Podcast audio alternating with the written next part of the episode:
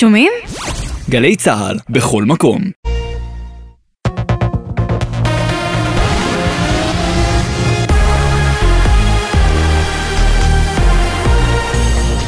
גלי צה"ל השעה שבע, שלום רב באולפן עדן לוי עם מה שקורה עכשיו. ארגון המורים הודיע, מחר שביתה בשכבות י"א בכל רחבי הארץ עד השעה 12. עם הפרטים כתבתנו לענייני חינוך יובל מילר. לאחר שלא נרשמה התקדמות במשא ומתן מול האוצר בתום פגישת הנהלה בארגון המורים, הוחלט להשבית את הלימודים בכל רחבי הארץ בשכבת י"א מחר בבוקר עד לשעה 12. היום התקיימה פגישה בין ארגון המורים למשרד האוצר, לאחריה לא נרשמה התקדמות. בארגון המורים הובהר שאם האוצר לא יתקדם לקראת פשרות, לא יעשו לשבות לתקופה יותר ממושכת. עד כאן. בצל תוכנית הבגרויות ההומניות החדשה שפורסמה היום, מנדי רבינוביץ', מנהל בית הספר הריאלי בחיפה, הגיב בתוכניתנו החיים עצמם, מי ילמד לבגרות זו או אחרת אם לא נמצא מורים טובים ואיכותיים. ראש הממשלה נתניהו יטוס מחר בשעות הצהריים לביקור מדיני בברלין. המוחים נגד התוכנית המשפטית צפויים לחסום בתגובה את הכבישים המובילים לנתב"ג. עם הפרטים כתבתנו לענייני תעופה עינב קרנר. ב-12 וחצי בצהריים המפגינים צפויים להגיע ברכבים לנתב"ג, וייתכן והכבישים הסמוכים ייחסמו. ברשות שדות התעופה ממליצים לנוסעים להגיע לנמל ברכבת, ומומלץ להגיע 4 עד 5 שעות לפני מועד הטיסה.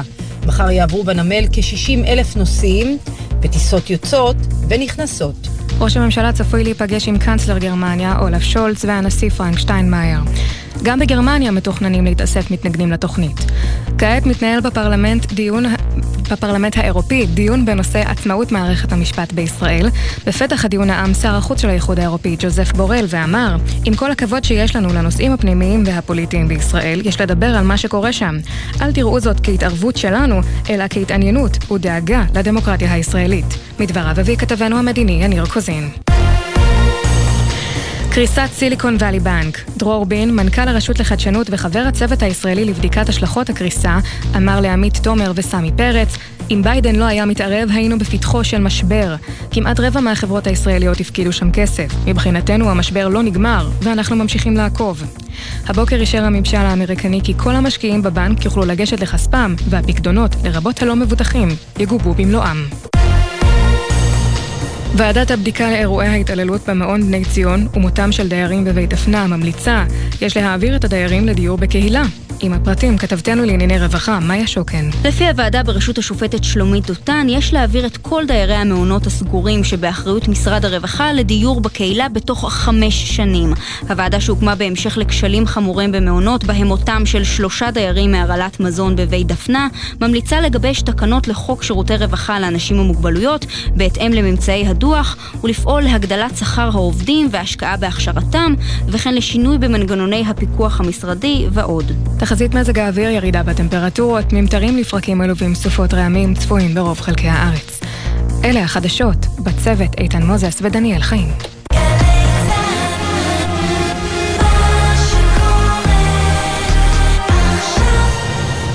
בחסות קונסטרוקטה, בעלת יותר מ-70 שנות ניסיון בייצור מכונות כביסה, ומציעה גם 5 שנות אחריות מלאה בתוספת 99 שקלים ברכישה מיבואן רשמי BSH, כפוף לתקנון. בחסות תשע ביטוח, המציע ביטוח רכב דיגיטלי בלי להתמקח עם נציג, כי ההנחות כבר באתר.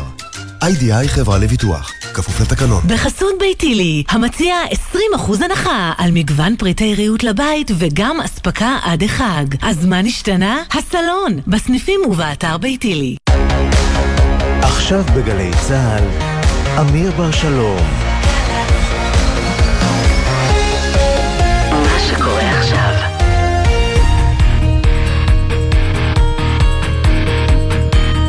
שלום לכם מאולפן 360 ביום, ההסכת היומי של גלי צה"ל. הזדמנות מעולה לחצי שעה של העמקה כל יום בנושא אחד שמעסיק את כולנו מ-360 מעלות. והפעם על תדמית ישראל בעיני השכנות.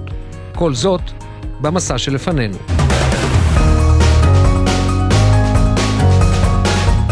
אנחנו פותחים עם השכנה מצפון, לבנון, או ליתר דיוק, חיזבאללה. אורנה מזרחי היא חוקרת בכירה במכון למחקרי ביטחון לאומי, ולשעבר סגנית ראש המל"ל. אורנה, אפשר לומר שחיזבאללה יושב ביציע ונהנה? חיזבאללה מאוד מרוצה מההתפתחויות בישראל. נסראללה מחכך ידיו בהנאה. ומקדיש לזה הרבה מאוד בנאומים האחרונים שלו. טוען שבעצם ההתפתחויות הפנימיות והקרע הפנימי והשסע ובצד זה גם העלייה ברף הטרור הפלסטיני, כל אלה מבשרים את סופה של הישות הציונית. אה, שכנראה אה, הוא מביע תקווה שהיא לא תשלים את 80 שנות קיום, ומבחינתו כמובן זה תואם לחלוטין את תיאוריית אה, קורי העכביש, שזו תפיסה, תפיסה שהוא אוחז בה כבר הרבה מאוד שנים, שבעצם החברה הישראלית היא חברה עוד חלשה מבפנים, עם הרבה קשיים, וסופה להתפורר ולהתאייד. זו משאלת לב, אבל ככה הוא חושב. כשאת מנטרת את נסראללה היום, זה יכול להביא אותו גם לכדי פעולה כזו או אחרת? אז ככה, תראה, יש לו תחושה של ביטחון שהיא הולכת וגוברת לאור האירועים האלה. אנחנו ראינו, ראינו גם את ההתנהלות שלו סביב אה, חתימת ההסכם לסימון הגבול הימי, עם האיומים אה, וכולי, שלטענתו הם שהביאו להישג הזה של ההסכם. אנחנו רואים גם הרבה מאוד אה, תעוזה בזמן האחרון של פעילי חיזבאללה שמסתובבים לאורך הגבול, שמסתובבים קרוב מאוד לגבול, אמנם בבגדים אזרחיים וללא נשק, אבל הם שם והם אה, הם מתחככים עם חיילי צה"ל. רק בשבוע שעבר היה איזה אירוע של, שבעקבות חיכוך כזה, כנראה שאיזה חייל השאיר מחסנית או משהו כזה, והם לקחו אותה והציגו את זה אחר כך כנטילה, השגת שלל של צה"ל וכו'. וכולי. זאת אומרת, יש פה איזשהו, איזשהו תהליך שהתגברות הביטחון העצמי, לדעתי תחושת ביטחון עצמי כוזבת, שהיא לאו דווקא לוקחת אה, עד הסוף את אה, אה, העוצמה של צה"ל, את הלכידות החברתית, ש... למרות האירועים וכל מה שקורה היום אה, בעקבות המשבר החוקתי, אני חושבת שאין ספק שיש איזושהי לכידות שהיא תעמוד במבחן בשעת אה, משבר אה, צבאי בטח. אלה הוא לא כל כך לוקח בחשבון, זה יכול אולי אה, לנטוע בו מחשבות אה, לעשות דברים, אבל, ויש פה אבל אה, גדול, צריך לקחת בחשבון שמזה זמן ובשנים האחרונות במיוחד, חיזבאללה לא להוט להיכנס לתוך עימותים צבאיים עם אה, ישראל. אנחנו רואים את זה אה, בהתנהלות שלו, ראינו את זה בהתנהלות שלו במצבים של עימות עם הפלסטינים, שהוא לא ניצל שום הזדמנות, ראינו את זה במצבים של אה, גם חיכוכים שלנו איתו. ו... כי הוא לא מעוניין בעימות רחב, זה לא מתאים לו, זה לא מתאים לו, זה לא מתאים לאיראן, זה לא מתאים למצב הנוראי ש... שחובה היום לבנון. ולכן אה, אני לא חושבת שהוא אה, ימהר אה, בעת הקרובה לעשות משהו, ליזום משהו, אבל כמובן שתמיד צריך לקחת בחשבון את האפשרות של מיסקלקולציה והידרדרות לא, של אירועים שהם לא בשליטה. אבל יוזמה של חיזבאללה בעת הזאת, אני לא הייתי אומרת שזה משהו שיש לו סבירות מאוד מאוד גבוהה. הוא מצפה שאנחנו, שהחולשה הישראלית תבוא מעצמה בעקבות מה שקורה בתוך ישראל, אבל אה, לא נראה לי שבזמן הקרוב הוא הולך ליזון משהו בעניין הזה. את יודעת, כשאת אה, אה, מסתכלים על התגובות של נסראללה באמת בשבועות האחרונים, לנוכח מה שקורה, הוא גם מלגלג לצורך העניין על, בואי נגיד כך, על המפרציות, על הסכמי אברהם, שאומר תראו עם מי עשיתם שלום, או שהוא לא נכנס למגרש הזה? נכנס, בהחלט נכנס, אה, מנצל כל אה, הזדמנות אפשרית כדי לדבר על זה, מדבר על זה שהם התחברו למשענת קנה רצוץ. בנאום האחרון שהיה לו, בעשירי במרץ, אה, הוא מתייחס מפורשות, גם זה היה מיד אחרי חידוש היחסים בין סעודיה לאיראן, ומבחינתו זה הישג עצום, זה רק מראה כמה ש... הנורמליזציה עם ישראל היא בעייתית, וכמה שסעודיה כנראה לא הולכת להתחבר לישראל, והיא הולכת לכיוון הנכון, שזה איראן, השאיפה שלו שלשם תגיע גם אה, לבנון, שכולם יתחברו בסופו של דבר אה, למזרח ולאיראן. אה, כמובן שהוא מתייחס לזה ו... ועוסק בזה רבות. עד כמה נסראללה מאמין בנאום קורי העכביש, או מאמין בתיאוריית קורי העכביש, ועד כמה הוא עושה בזה שימוש כדי אולי הייתי אומר ככה, הייתי אומר לאחד את השורות, לצופף את השורות, כי הוא לא באמת מאמין שמדינת ישראל בסוף תקרוס, מתוך, תקרוס פנימה, בתוך עצמה. זו תפיסה שהוא באיזשהו מקום גם מאמין בה. למרות שהוא יודע שהיכולת של ישראל להזיק לו, יכולת ההיזק של צה"ל והעוצמה שלו היא קיימת, והוא, והוא לוקח אותה בחשבון ובכל המהלכים שלו. אבל אני חושבת שזו תפיסה שהוא בסך הכל די אוחז בה, אמ, והיא באה מתוך, אתה יודע, איזה שהן אה, הבנות, אמוציות. דתיות, קיצוניות. בנאום ביולי הוא סיפר על איזה שהוא, אה, בריאיון שזה לא היה נאום, זה היה ריאיון, אה, על איזה חלום שהיה לו, שתושבי ישראל על מטלטליהם אורזים ועוזבים לחו"ל. הוא, הוא חי את העניין הזה, הוא, אה, זה איזשהו חזון שיש לו, ובחלקו כנראה הוא wishful thinking, אבל זו תפיסה שהוא אוחז בה בהחלט. אורנה מזרחי, תודה רבה.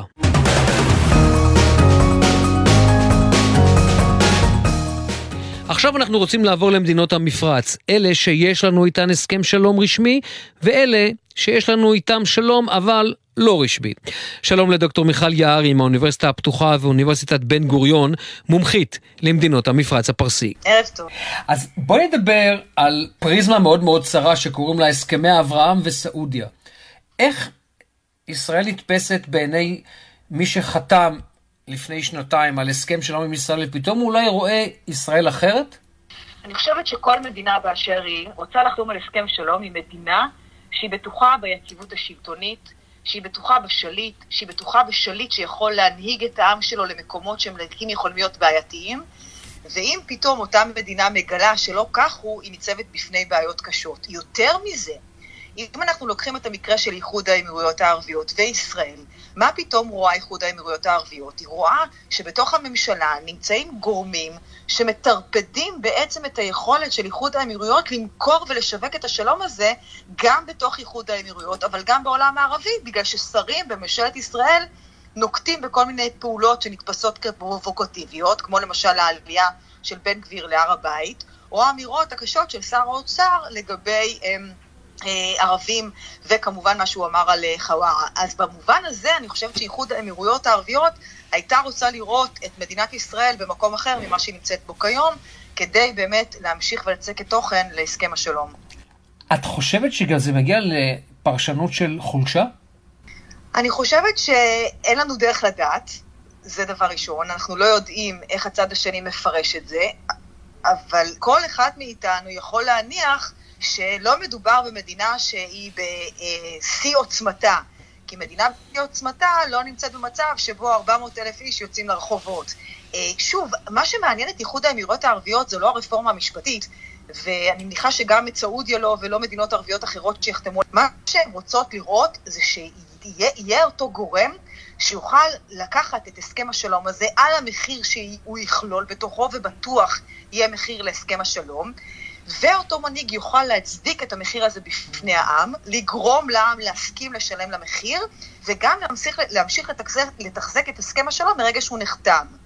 האם ראש הממשלה הנוכחי הוא כשיר לתפקיד הזה או לא, את זה כבר נשאיר למדינות אחרות אה, להחליט אה, בעצמן. אבל את לא חושבת, אה, דוקטור יערי, שזה יכול להגיע לכדי חישוב מסלול מחדש? לא, משום שהאינטרסים הם יותר מדי מהותיים, הם נוגעים אה, לנושא הליבה בשתי המדינות, אנחנו מדברים בעיקר על הרגל הביטחונית, על אויבים משותפים. אני לא אה, נבהלת מהמראה שראינו ביום שישי האחרון של איראן וסעודיה, שחותמות ביניהן על הסכם אה, לחידוש היחסים הדיפלומטיים.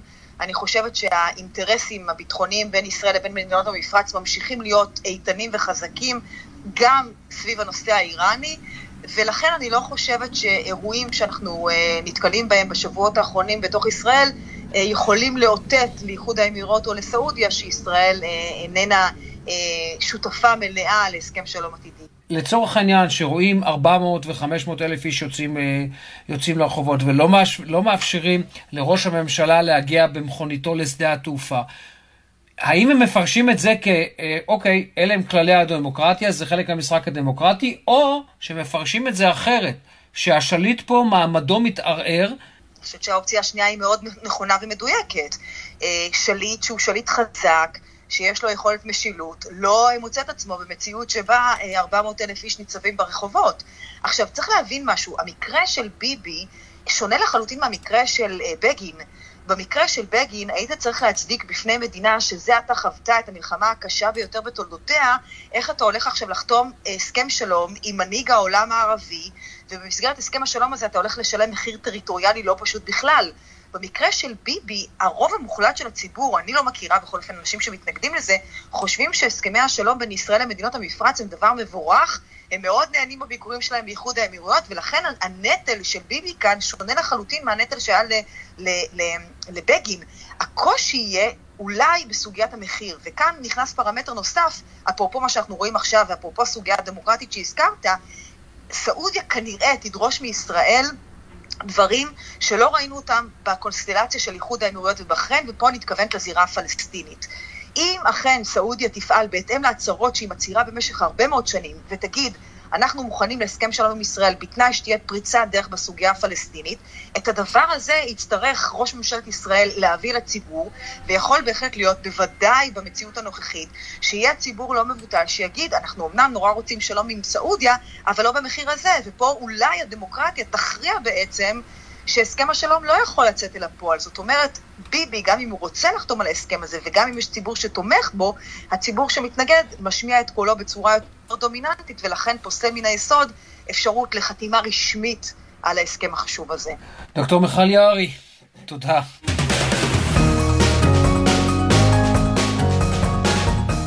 אחת השאלות המרכזיות היא האם ישראל נתפסת במצבה הנוכחי חלשה יותר.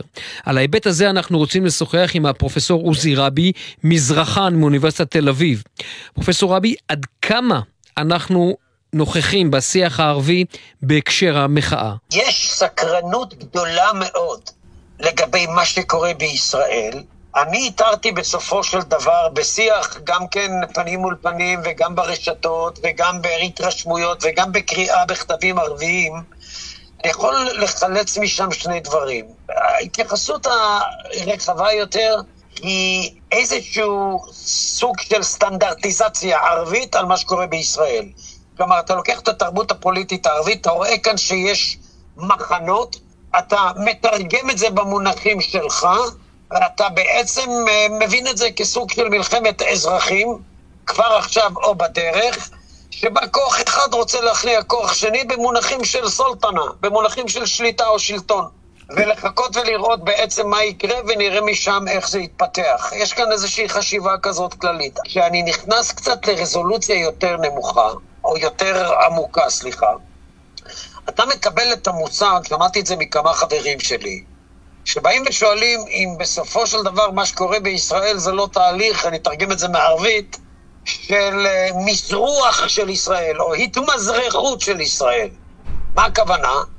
אם אתה בא ואומר לי שיש דתיים כאלה ודתיים אחרים ויש חילוניים, זה נקרא בערבית טאיפיה, זאת אומרת עדתיות. הם מתרגמים את זה למשהו שמוכר להם ממדינות שהן עתירות גוון, גוונים אתניים ודתיים, מדינות שלא עלינו, במזרח התיכון הלכו במסלול שהוא מסלול לא טוב, שבסוף הסתיים במה שנקרא מדינה כושלת. אתה רואה אבל לצורך העניין, אם אני רוצה לדבר איתך ברזולוציה קצת יותר גבוהה, שמה שקורה בישראל היום מתפרש בעיני חלק ממדינות ערב ומנהיגים כחולשה, אני חושב שיש כאן איזשהו סוג של הבנה שישראל זה לא מה שחשבנו. אני לא רוצה ללכת איתך ולהיכנס לעניין של חולשה ומהי נחילה, אבל ישראל, בכוונה אמרתי לך שיש פה תהליך של התמזרחות שלה, היא מדינה שיש לה דפקטים ובעיות כמו שיש למדינות באזור שלנו, מה שנקרא. אני מדבר מתוך הגרון הערבי. היא לא כלי לשלמות, היא לא כל כך חסינה, היא ודאי לא מונוליט, והיא לא גוליית, ועם כל הכבוד לטכנולוגיה הצבאית, כשאתה נכנס למרקם החברתי של ישראל, אתה פתאום מגלה, אני אומר לך שוב, יש כאן מילה, אמיר, שהיא מאוד חשובה. היא נקראת טאיפיה, זה הדברים שהפילו את לבנון, שהפילו את עיראק, מה זה טאיפיה? זה עדתיות.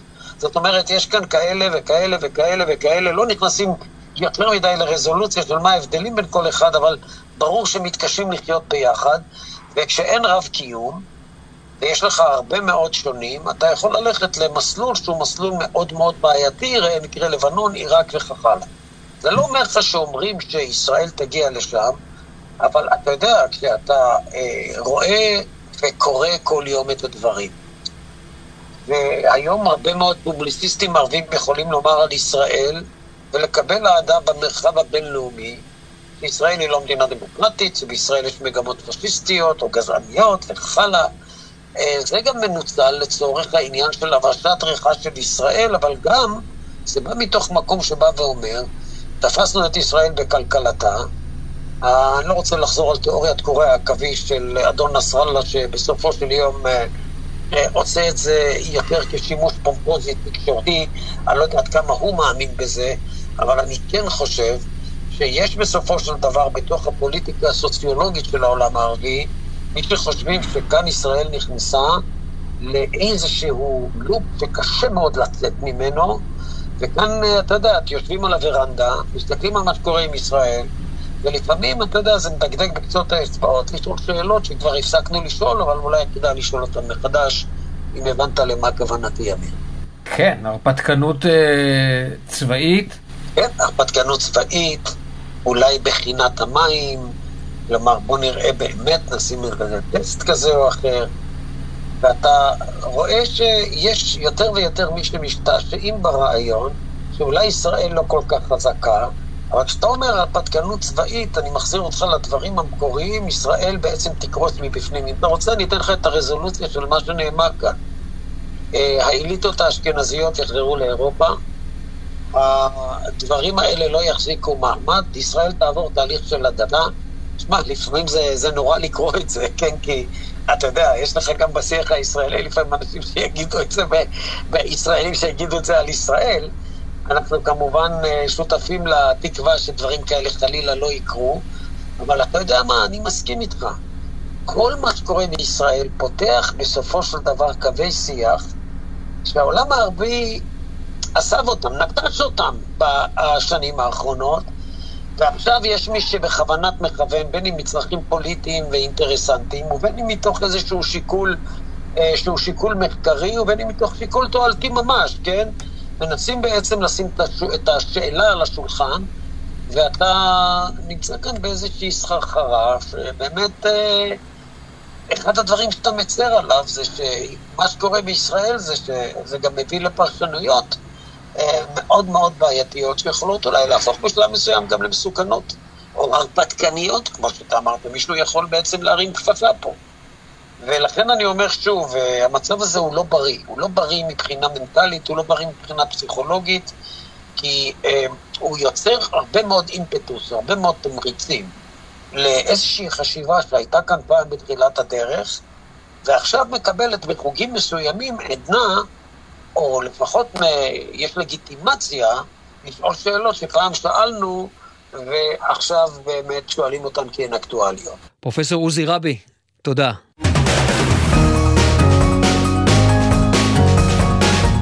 עכשיו אנחנו נשוחח עם נועם בנט. נועם בנט הוא מומחה לקריקטורות בעולם הערבי ומגיש הפודקאסט אוסקוט.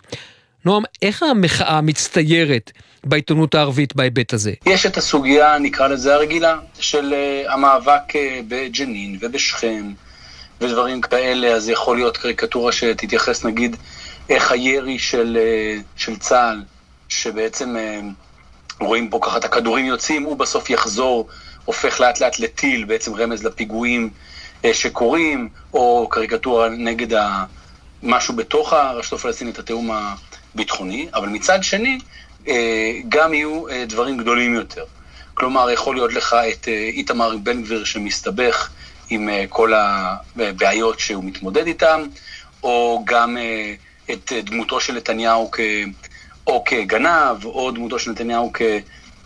אה, כדור פורח עם מלא חורים וכתוב כותרת ממשלת נתניהו, אה, או גם אה, שר האוצר בצלאל סמוטריץ', שיורה לכל הכיוונים בהקשר של מחיקת חווארה.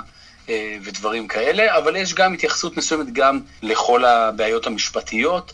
אין המון, כלומר הייתי מצפה אולי שיהיה יותר, אבל כן יש קריקטורות, נגיד, שרואים באופן קצת סמלי בהבנה הישראלית, של דמות חרדית נוהגת על טנק, אה, עולה בעצם, דורסת איזה רכב של האו"ם שעליו כתוב החוק הבינלאומי, כן? שהדמות החרדית שנוהגת, זה קצת אולי חוסר הבנה של אותו קריקטוריסט מלוב. אבל זה חלק מהדברים שאנחנו יכולים לראות. המחאה החברתית עצמה, מה שאנחנו רואים לצורך העניין, כל עניין של סימני השאלה שעולים לגבי מערך המילואים, יש ביטוי לזה בקריקטורות? אני לא, אני לא ראיתי, אני כן יכול להגיד לך שיש נגיד קריקטורה אה, של קרלוס לטוף, שהוא ככה נחשב לאיש BDS מאוד מאוד אה, רציני, אה, שהוא נגיד יבוא ויגיד אה, משפט שאולי יישמע הפוך על הפוך, שהוא יחצה את הקריקטורה והוא יראה שבצד אחד אה, קבוצה אחת אומרת לסלק את נתניהו, והוא אומר אנחנו פה בשביל להציל, והחלק השני יראו דמות אה, מתנחל אה, קלאסית, חמוש כמובן, כשמאחור רואים את הכל בוער, וכתוב הגדה המערבית, וכתוב יהודית ודמוקרטית. כלומר, בהם סוג של לחדד למתנגדי ישראל, שנראה לכם פה שיש בלאגן, כולם פה רוצים אותו דבר, למרות שכל פרשן ישראלי יגיד שהקריקטורה הזאת לא הגיונית מבחינת המציאות, שכמובן המפגינים אה, לא מחפשים, לא תומכים באירועים שקרו נגיד בחוואר ואחרים. אבל זה גם איזה רצון לאחד את שני הכיוונים האלה. לסיכום, היית אומר שקוראים אותנו טוב בצד השני?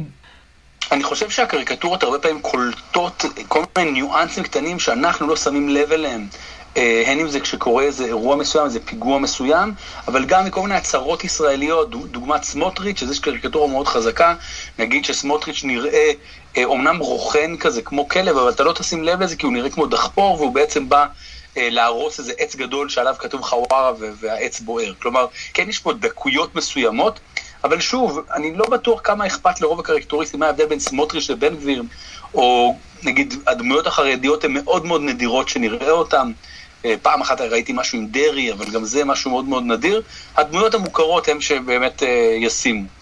נועם בנט, מומחה לקריקטורות בעולם הערבי. תודה, נועם. בשמחה רבה.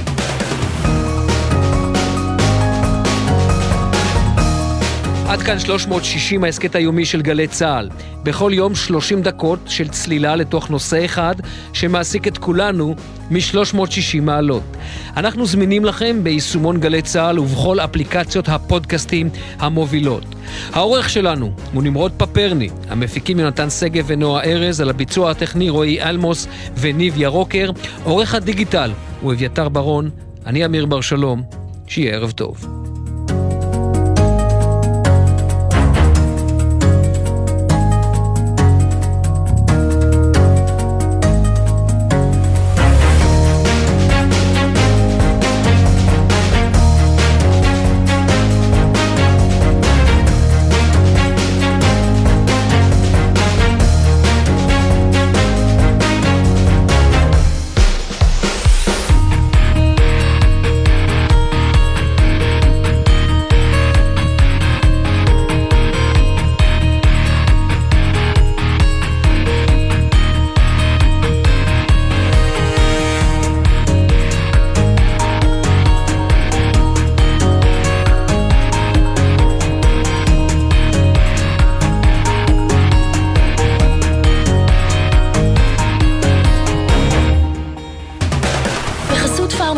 מולטי ויטמין שוויצרי, שנבדק במחקרים קליניים, המציע שיפור ברמת האנרגיה במשך כל היום. פארמטון, להשקיע בעצמך, כמוסה אחת ביום.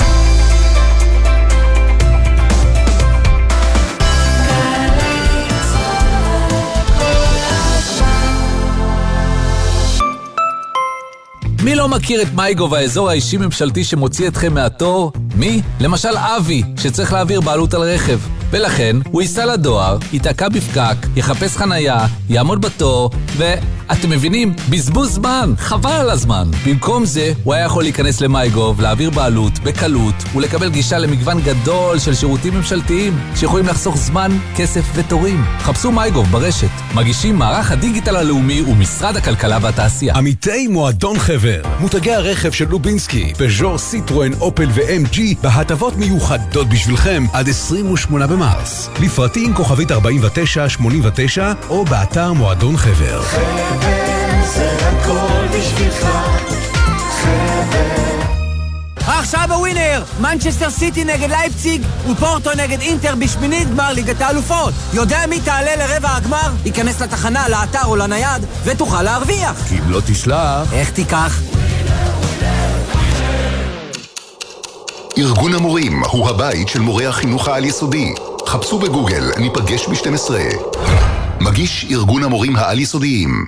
אמא, אבא, תכירו, חריש. ההזדמנות שלכם לצמוח בחממה אמיתית. חריש, חממה עירונית.